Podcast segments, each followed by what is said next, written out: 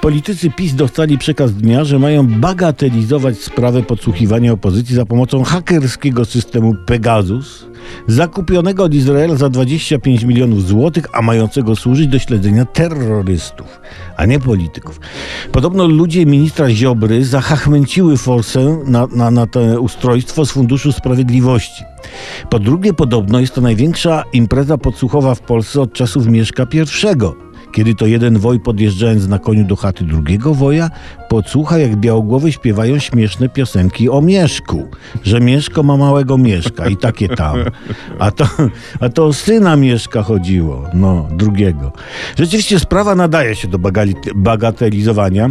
Nikt znalazła fakturę na zakup Pegasusa i jest faktura, czyli wszystko zgodne z prawem i to zamykałoby sprawę. Zamykałoby, gdyby nie to, że włam na komórki opozycji odkryto. No bo to oprogramowanie to oni kupili na stacji benzynowej od sprzedawcy zastaw stołowych o określonej karnacji. Będzie działać pan, będzie działać. No w sumie 25 milionów, jak na zamówienie rządowe, to jest darmo. Jacek Sasin przeputał 70 milionów na sam papier. To na Pegasusa sobie żałować? Cieszyli się.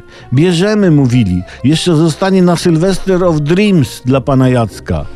Może myśleli, że kupią grę komputerową Pegasus. No, pan Ziobro chciał jeszcze kupić kolekcjonerskie gry Mario i Donkey Kong Jr., ale no, zapomnij, mu powiedzieli, to drogie rzeczy, nie.